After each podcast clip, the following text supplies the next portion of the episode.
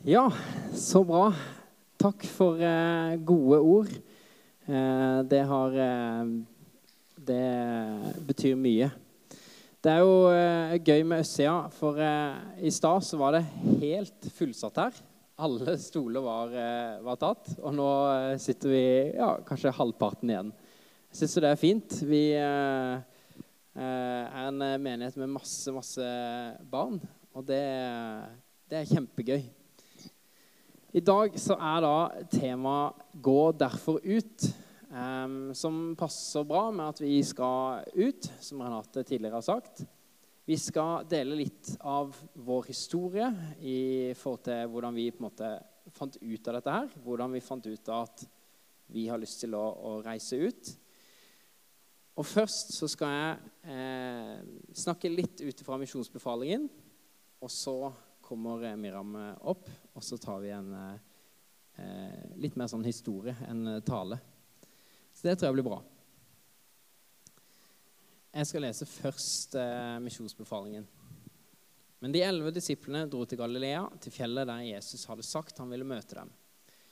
Og da de fikk se ham, falt de ned og tilba ham, men noen tvilte. Da trådte Jesus fram og talte til dem. Jeg har fått makt all makt i himmelen og på jorden. Gå derfor og gjør alle folkeslag til disipler.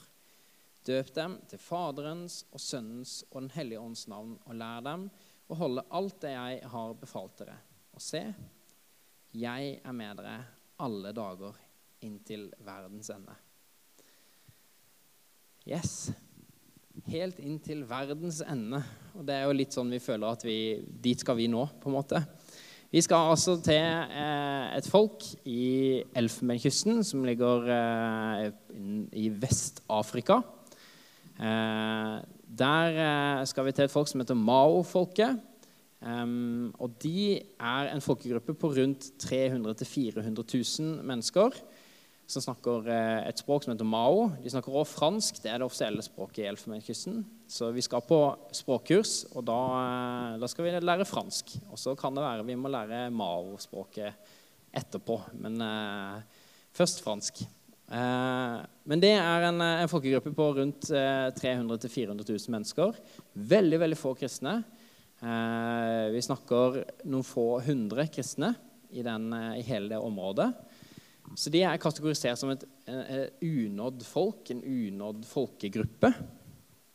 Og, eh, og eh, er De er muslimer samtidig som de har en sånn animistisk, eh, altså afrikansk stammekultur og stammereligion blanda inn i det. Og det gjør det jo veldig spennende. Eh, vi, eh, vi gleder oss til å se hva, hvilke utfordringer som kommer, men også sant, hva er det vi kan lære av de, og hva er det vi kan gi til de da. Så det eh, gleder vi oss veldig til. Men i misjonsbefalingen så er det her det er noe av det aller siste Jesus ønsker å gi og si til disiplene. Dette er liksom det siste de skal huske. Før han drar opp, da, og det er jo på Kristi himmelfartsdag, det er jo da han, han drar, og så sier han at 'jeg har fått all makt i himmel og på jord'. Gå derfor og gjør alle folkeslag til disipler. Og han sier jo da egentlig 'Jeg sender dere ut med den samme kraften som jeg har'. Og Vi sang jo akkurat 'Den samme kraft', eh, som er en fin sang, som handler om det. At vi har fått den samme kraften eh, som Jesus hadde. Den bor i oss, og den er vi sendt ut med. Og det betyr jo at eh, at vi, vi, går ikke alene, vi går sammen med han. Og at vi kan gjøre store ting i Jesu navn. Og det kjenner jeg en veldig en måte, trygghet i, og at vi kan stole på Gud. Det eh, betyr mye. Fordi at i meg sjøl så eh, tror ikke jeg at eh, jeg tåler og står i de samme stormene som når jeg vet at Gud, han er med meg. Og det eh, har jeg mange historier på og har opplevd, og det har sikkert dere også opplevd, at Gud han holder i stormene. Og det er deilig og godt å vite at jeg har den samme kraften i meg som Jesus. Og Neste punkt som han kommer til, gå derfor og gjør alle folkeslag til disipler. Um, som det her er jo utrolig vanskelig, og det er jo noe alle menigheter jobber utrolig mye med. Disippelgjøring. Det er vanskelig. Og det er på en måte det vi er kalt til òg. Vi skal disippelgjøre. Og som Tor Håvik, da han var her, han farmenpresten, han sa noe av meningen med livet er å sette spor i andre. Og det tenker jeg er litt av eh, måte, hovedpoenget til disippelgjøringen. Det er å sette spor i andre. Hva er det du har fått, som du kan gi videre? Og Hvis vi hadde hatt en stor, eh, stor eh, mange, mange, forslag her til hvorfor en tror i dag, og hadde hatt en sånn håndsopprekning på eh, Hvis det har vært flere grunner til hvorfor tror du, er det fordi at det er kirka, er det for mamma og pappa, er det fordi osv., så, videre, så tror jeg den aller største hadde vært fordi noen har sett deg. Fordi noen har vært og gått sammen med deg. Og det tror jeg er viktig at den ene som har sett deg, som har utfordra deg på riktig måte, som har vært sammen med deg, gått sammen med deg, det er veldig, veldig ofte grunnen til at vi i dag er kristne. Jeg har en sånn historie. Det har sikkert du òg. Som oftest er det det at noen ser deg, og det er disippelgjøring. Hva er det du har som du kan gi videre? Og det ønsker Jesus at vi skal gjøre. Og En disippel er jo en som er i opplæring, en som følger en annen. Og det er interessant at noe av det første Jesus sier til disiplene, er 'følg meg'. Og så slapp de alt, og så fulgte de han og kanskje ikke helt eh, egentlig visste hva de holdt på med. Det ser vi jo veldig tydelig på, eh, på langfredag. Eh, at ting, når ting blir vanskelig, Jesus blir hengt på korset, eller før det òg, blir tatt til fange, så vet ikke helt disiplene hva de skal gjøre. Men de har fulgt Jesus i tre år. Poenget er at det er ikke sånn at vi skal vite, det er ikke sånn at vi har alle svarene. Men vi skal følge han. Vi skal følge han med det der vi er i vårt liv, med vår forståelse. Og så er det en reise som Jesus ønsker å være med på. Og så skal vi døpe i Faderens, Sønnens og Den hellige ånds navn, som det står. Og det følger vi østsida, for å si det sånn. Vi følger eh, sterkt to oppfordringer fra Bibelen. Og det ene 'bli mange', og det andre er 'døp'. Det, der er vi gode. Vi, eh, vi eh, døper jo i snitt hver gudstjeneste. Det er ganske kult. Vi prøver å samle de litt opp, sånn at det blir liksom tre på en gudstjeneste. Så ikke hver gudstjeneste der er, eh, dåp, men eh, det er nesten én i snitt per gudstjeneste. Og det er veldig, veldig gøy og stilig. Og så er det dette her For meg så har jeg gått en reise i østsida med det her med dåpssyn. Um, og noe av det som måtte tippa meg over, noe som gjorde at brikkene falt over på eh, barnedåp, det var dette her at, at Jesus sier at vi skal gjøre det. Og når han er så tydelig på det, så er det noe med dette vannet, da. Hva er det med dette vannet? Det må være et eller annet i det vannet.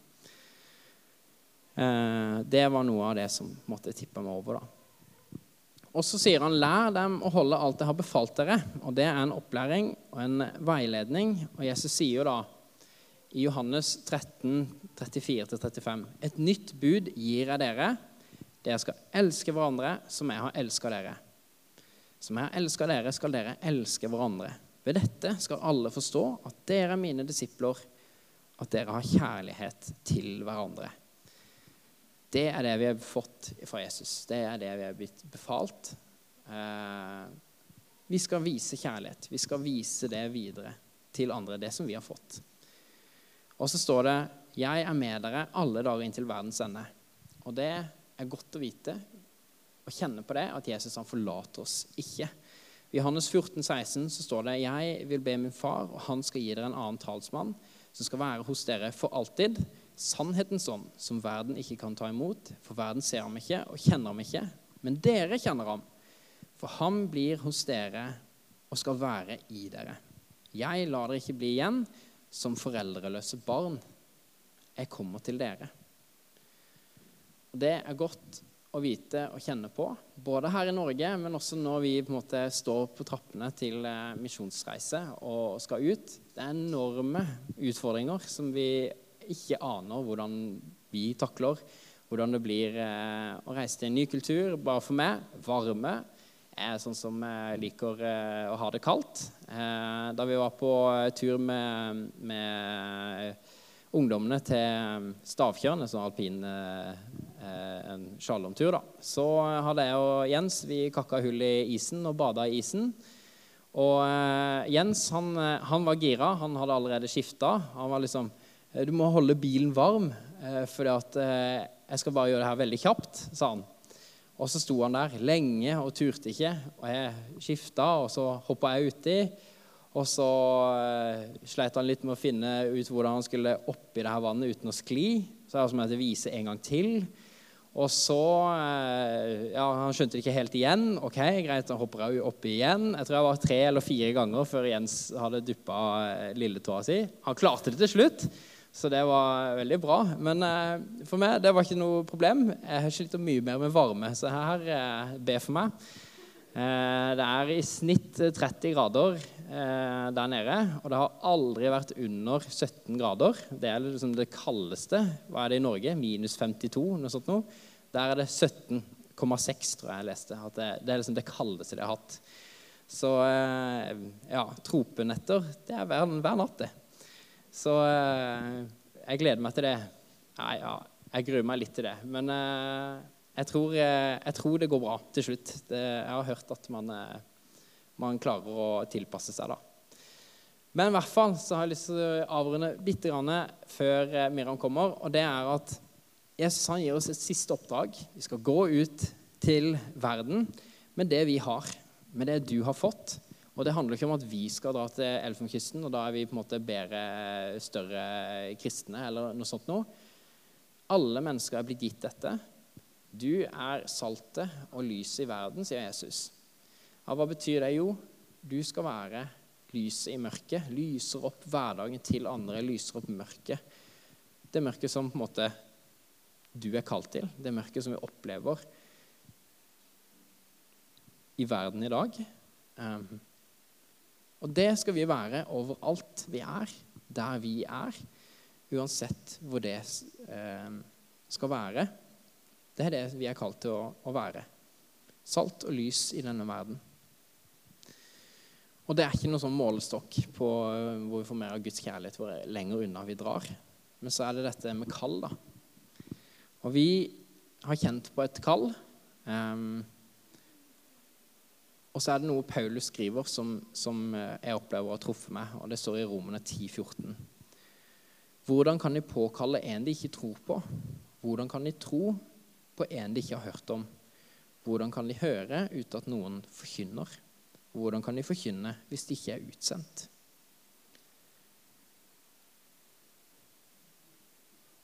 Og det er det vi skal, jeg og Miriam gjør. Vi går til de som ikke har hørt enda.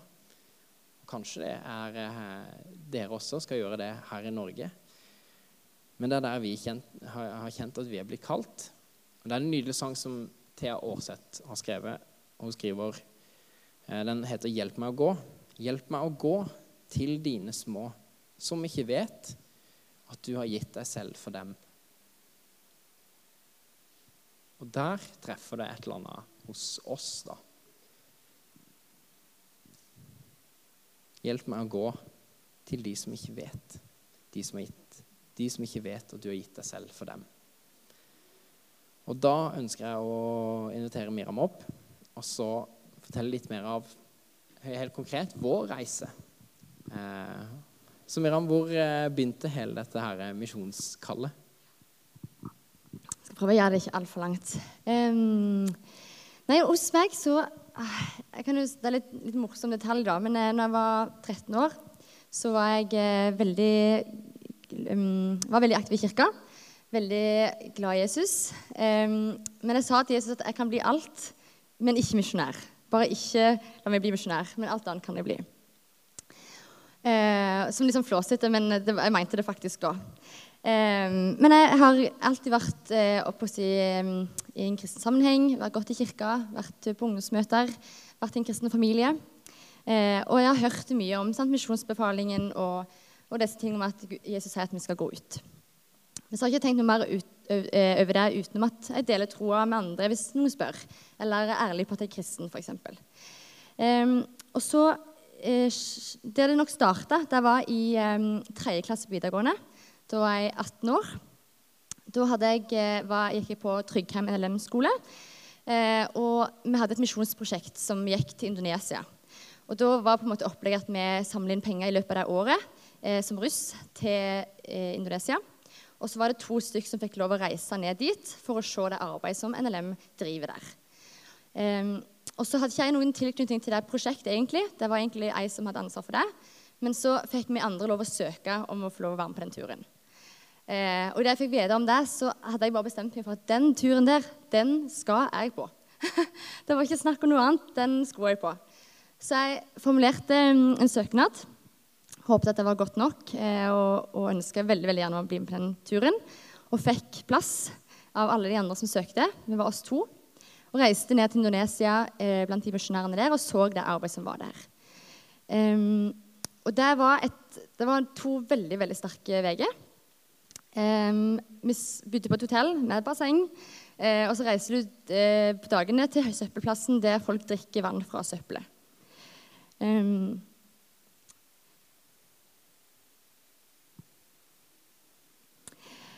og det gjorde veldig inntrykk.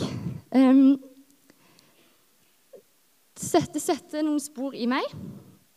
Og det gjorde at jeg kjente på at dette er urettferdig. Dette har ikke jeg lyst til at noen skal oppleve. Dette har jeg lyst til å gjøre en forskjell på.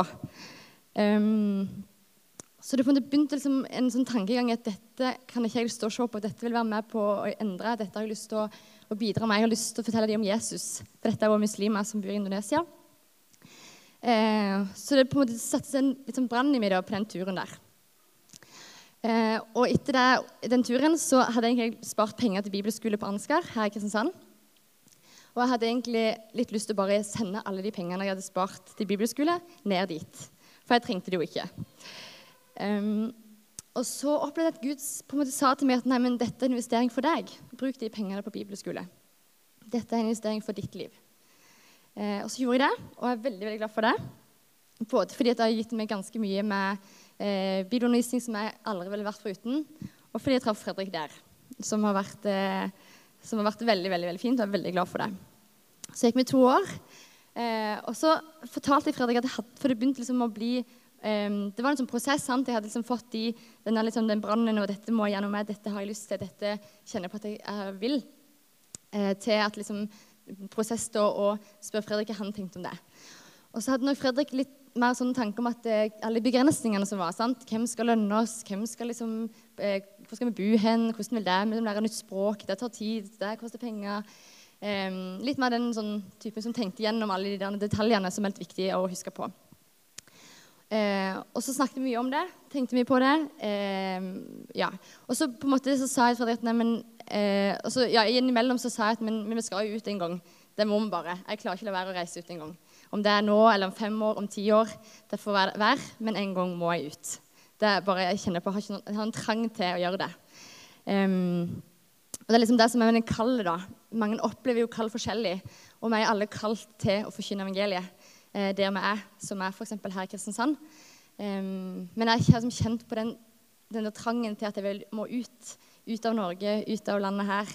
Eh, jeg klarer liksom ikke la være. Sånn som jeg sa med den bollen da, Hvis du har lyst på en sjokolade, jeg eh, klarer ikke la være å ta den sjokoladen. Litt sånn er det. Jeg klarer ikke la være å ikke reise. Um, og så var meg og Fredrik litt på den tanken, og så eh, la vi det litt på is, eller ikke på is, men vi bare lot prosessen gå litt. Så gikk det kanskje et år eller noe sånn, eller to år. Jeg snakket litt om det jevnlig, men likevel ikke tema her og nå. Og så kom Fredrik til meg i, eh, i eh, koronatida. Eh, og så hadde jeg tenkt litt på det. Prosessen har gått. Min prosess har gått. Og så sier han til meg du Miri, vi skal ikke tenke på at vi skal prøve å reise ut en gang um, som misjonærer. Og For meg så var det egentlig det bønnesvaret jeg trengte, at det var Fredrik som kom og tok det initiativet. For jeg var på en måte egentlig klar til å ta det på en måte når han var klar, eller når ting åpna seg, eller dørene åpna seg. Og så kom Fredrik, og det føltes som det var Gud som sa til meg at nå er det tid for å reise ut. Um, og det ble veldig sterkt for meg. i hvert fall. Uh, og vi har liksom kjent på at det er riktig for oss å gjøre det sammen. Selv om Fredrik sitt kall på en måte oppleves mer som å dele evangeliet hvor som helst det er, og så blir mitt kall da på en måte ut. Og til sammen så blir det liksom vårt felles kall da, å dele evangeliet med andre. Mm. Sånn som jeg har tenkt, så har jeg tenkt sånn at eh, eh, Jeg har absolutt opplevd at jeg har et kall, og det kallet det er å forkynne evangeliet med de evner, gaver og talenter som jeg har fått, hvor enn jeg er. Eh, og så trodde jeg at det er eh, på en måte best gjort i Norge, hvor jeg kan språket, kan kulturen. Det må på en måte være best, mest effektivt for Gud å bruke oss her på en måte, enn å sende oss til eh, andre eh, på andre sida av jordkloden og ja, lære språk og alt sånt noe. Eh, og derfor så Jeg vil ikke si jeg var sykt negativt, men jeg har bare tenkt at eh, nei, jeg tror ikke det er noe for oss. Og så sier jo Det virker jo som Miriam her på en måte la det på hylla. Og, hun, og det er vittig, for hun sier at hun gjør det. Men sånn som jeg opplever det, så hadde hun sånne stikk, sånne kommentarer sånn hele tida. Ja, du vet når vi drar ut som misjonærer. Ja, du vet når vi skal ut. Sånne, der, eh, sånne ting. Nei, vi trenger ikke kjøpe det, for vi skal jo snart ut. Ikke sant? Sånne ting det gjør at eh, jeg følte ikke du hadde helt lagt det på hylla. og at du liksom respekterte at jeg kanskje ikke kjente at vi skulle ut. Um, og så har jeg fått uh, uh, Så har jeg liksom tenkt at um, Ja, altså uh, Hvis man tenker helt fornuftig på det um, Når passer det? Nei, det passer jo aldri. Det passer jo aldri å reise ut. På en måte Slippe alt en har i, i hendene, og reise til andre sida av jordkloden. En ny kultur, ny eh, alt mulig. Um, men eh, det må en på en måte bare hoppe ut i. Og hvis det skal passe et tidspunkt som passer bedre enn andre, kanskje det er nå. Nå som Miram, du, vikariatet ditt går ut, må skifte jobb. Um, uh, vi har en leilighet som var altfor liten med, med, tanke på Silas og sånt nå. Vi måtte flytte. Uh, og så har vi snakka om å um, skal vi gjøre noe annet? Skal vi dra til altså, Jeg tenkte i utgangspunktet tre år som ungdomsarbeider, og så, eh, så, får vi se hva det nye er. Og da begynte det å gå mot slutten. Måtte begynne å tenke Skal jeg fortsette å være som ungdomsarbeider? Skal jeg videre i nye oppgaver? Og så videre. Ok, når vi har alle disse tankene her, kanskje det er eh, på tide å ta opp Eh, og veie den også. Skal vi reise ut? Er det nå vi skal reise ut? på en måte? Og da, da jeg sa det, så begynte hun eh, Fikk jo Miriam tårer i øynene og liksom Kjente at Oi, her eh, har det beveget seg noe i Fredrik òg. For hun trodde at jeg hadde på en måte begravd den. Eh, og det hadde jeg ikke. Men, men så tok vi kontakt med NLM, og de etter et, måte, et, lite intervju på over Zoom, det var i eh, koronatida, så, eh, så, ble vi bedt om å komme på et uh, større intervju med flere. Og det var egentlig ikke et intervju. Da hadde de egentlig tre jobber klare for oss. Da var det liksom OK, dere kan reise til Mongolia, dere kan reise til Indonesia og dere kan reise til Elfenbenskysten. Her trenger vi folk. Det er bare å, å reise, liksom. Eh, og det var jo litt sånn Oi, er vi er vi så kvalifiserte? Er vi så bra, på en måte? Uh, og jeg hadde egentlig ikke landa om jeg kanskje egentlig vil er dette her sånn uh, egentlig er jeg liksom bare med på lasset til Miriam. Um, samtidig som det er viktig for meg at uh, hun, har, hun har et kall som jeg ikke klarer å Og jeg, jeg, sier ofte at et kall er det der du ikke klarer å la være å gjøre. Um, hun klarer liksom ikke å la være å gjøre noe med dette. Dette må hun gjøre noe med. Um, og det ønsker jeg å respektere. Og samtidig mitt kall, som er at jeg ønsker å forkynne evangeliet med de evnene og gavene og talentene jeg har, hvor enn jeg er. Det kan jeg gjøre i Elfenbenskysten. Det kan jeg gjøre i Norge. Og så er det et eh, enormt stort eventyr. Og så har det, etter at jeg på en måte OK, vi kan gjøre dette her. Og da har det på en måte blitt mer og mer ekte og virkelig for meg eh, at det her skjer faktisk. Vi skal faktisk dette her. Og da blir det på en måte mer levende. Det blir eh, noe som, som er å få eierskap til. Og dette skal vi gjøre som familie. dette skal vi eh, reise ut eh, og gjøre sammen. Um, og vi har fått lov til å møte flere når vi har sagt dette her, og møtt flere eh, som har vært ute på misjonsmarka, som har vært misjonærer i mange år. Og det har òg vært givende og vært noe som, som de historiene som de har, eh, med familielivet og hvordan det er, det har gjort at eh, jeg har fått et enda måte, større ønske om å og tenkt at det her tror jeg er det riktige valget. Mm. Så, men jeg kan bare si helt kort at når vi fikk de tre landene som vi kunne velge mellom, Ningolia, Elfenbenskysten og Indonesia, så var jeg litt sånn eh, Jeg var, var, ikke så viktig for hvilket land det egentlig var. Og så skulle hun tenke at eh, Indonesia det var der jeg liksom, brannen min starta. At det der jeg kjente jeg trengte å reise, reise til. Um, men når vi fikk presentert de landene, så var det egentlig ikke den jeg fikk fred for. Det var liksom ikke den som på en måte satte seg. Uh, men det var Elfenbenskysten. Så når jeg sa det til de, så sier de OK, men da tenker vi at dere reiser dertil. Uh, og da ga den der freden som jeg som ofte uh, opplevde som at Gud leder oss inn i av og til, gir oss en fred for ting. Den fikk jeg da fra Elfenbenskysten. Eh, og at vi har fått den og følt på at det er riktig, og at det kjennes eh, godt at vi er i, Guds plan. da. Um, og så er det mange ting som skal legges til rette her i Norge på tur. Og jeg opplever at Gud er med oss i det, og opplever at det også hjelper oss videre i det når vi ser at han er med på, på gi oss de begynnelsene vi trenger. Han gir oss den hjelpen vi trenger for å få gjort det vi skal, um, og inspirere oss til å gjøre det videre og motivere oss videre. Mm. Så det er egentlig litt i vår historie da, for før vi reiser ut nå. Um, håper det var litt ja, forklarende. Mm. Vi håper at det kan bidra til inspirasjon ikke til en sånn der eh, Oi, jeg er ikke så hellig, eller sånt noe. Ingen kan bruke meg. Jo, Gud kan bruke deg der du er. Altså, vi har fått det kallet til å reise ut. Um, og så gjør vi det. Så går vi på det Gud har sagt at vi skal gjøre. Og så tenker jeg at det, det har Gud eh, lagt på deres hjerte òg. Hva er det Gud skal, eh, kan gjøre med, gjennom deg? Hvem er det Gud ønsker å møte gjennom deg? Og det ønsker vi bare egentlig å inspirere til, og ikke bidra til å, å bygge ned. At man må være så sykt hellig for det. Um, men det gjør jo at, eh, at, min tid her i østsida eh, nå går mot en, eh, en, avslutning. Og det har vært en enorm reise for min del. Og jeg har utrolig mange minner og flotte øyeblikk som jeg har tatt vare på, og som eh, jeg håper eh, ja, Som jeg sa i stad, at jeg har sett noe i noen som eh, kan gi, gi noe mer enn bare, enn bare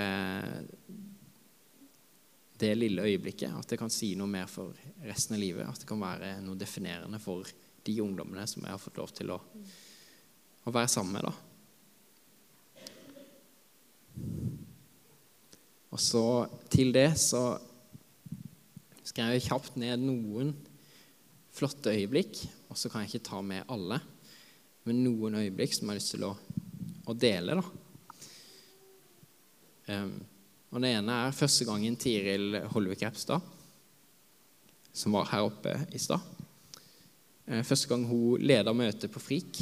Det var helt fantastisk. Måten hun tok det ansvaret, det var gøy å se. Da jeg spurte Jens om å være Jens Kristiansen om å være konfleder, og så Og så sier han at eh, det tror jeg ikke jeg er helt klar for, for jeg, jeg vet ikke om jeg, jeg tror engang. Og så et par måneder senere så sier han, kommer han til meg og så sier han til meg da at jeg tror jeg kan være konfleder nå.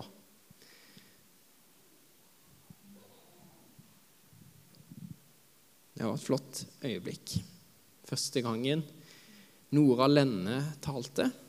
Det var et flott øyeblikk. Første gangen Elias Stølevik delte vitnesbyrdet sitt. Første gangen Ruben Valentin talte. Første gangen Markus Molstad delte et bønnesvar på, på eh, møtet oppe på eh, på tur. Da Ole Jakob Repstad sa han kunne be i gudstjenesten, og måten han tok det på, det var gøy å se. Første gangen Louise Sletta Haaland hadde kafeen, og måten hun gjorde det, og det ansvaret hun har vist etterpå, det var utrolig gøy. Alle som var med og bidra på julebordet nå sist gang, da gjorde jeg nesten ingenting. Det var bare ungdommene som, som hadde full regi. Det var utrolig gøy å se. Og alle de sjelesorgsamtalene og gøye samtaler med ungdommene. Og alle de kommentarene til Peder Senestad om eh, Han har mange morsomme kommentarer, men han eh, pleier å si noe sånt som at 'Dette her, det her vet jeg, for det her har jeg snakka med Fredrik om'. Det er veldig gøy. Og mange, mange, mange flere jeg kunne nevnt på hver eneste en av dere. Jeg har hatt mange flotte øyeblikk sammen med dere. Nå snakker jeg til dere, gjengen min. Jeg har eh, virkelig kost meg sammen med dere og hatt det kjempegøy. Og så håper jeg at jeg og Miriam har fått lov til å gi noe av oss sjøl til dere som er noe som varer eh, lenger enn denne tida som vi var her. At det er noe som kan forme dere og dere kan ta det med videre i livet. Så takk for meg, og takk for at jeg har fått lov til å bruke mine gaver her. Og få lov til å, å eh, være meg sjøl og eh, være på den reisen jeg har fått lov til å være på. Tusen takk.